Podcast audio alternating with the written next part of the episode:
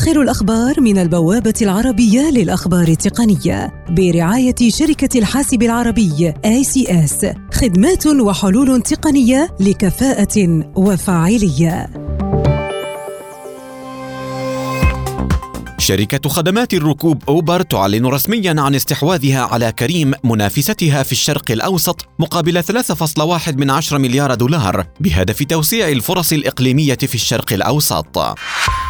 واتساب تختبر ميزة الوضع الليلي في نظام أندرويد وذلك بعد اختباره قبل نحو خمسة أشهر في نظام آي أو إس كما وتختبر إمكانية قفل التطبيق عن طريق بصمة الإصبع وغيرها من المزايا وفق تسريبات هيئة الإذاعة البريطانية بي بي سي تحظر جميع موادها الصوتية البودكاست في جوجل بودكاست ومحرك بحث جوجل ومساعد جوجل وتطالب باستيفاء شروط معينة لإتاحة المحتوى على خدماتها.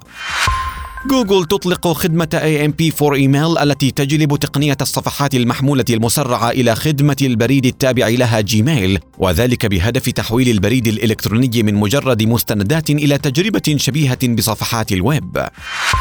أبل تواجه توصية لجنة التجارة الدولية في الولايات المتحدة ITC بحظرها من استيراد الأجهزة في أمريكا بعد مزاعم انتهاك أجهزة آيفون لبراءة اختراع كوالكوم.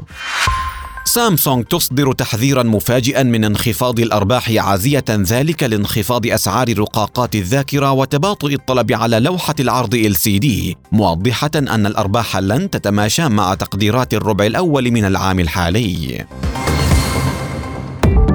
آخر الأخبار من البوابة العربية للأخبار التقنية برعاية شركة الحاسب العربي ACS خدمات وحلول تقنية لكفاءة وفاعلية. لمزيد من تفاصيل هذه الأخبار وأخبار عديدة يمكنكم زيارة موقع البوابة على شبكة الإنترنت aitnews.com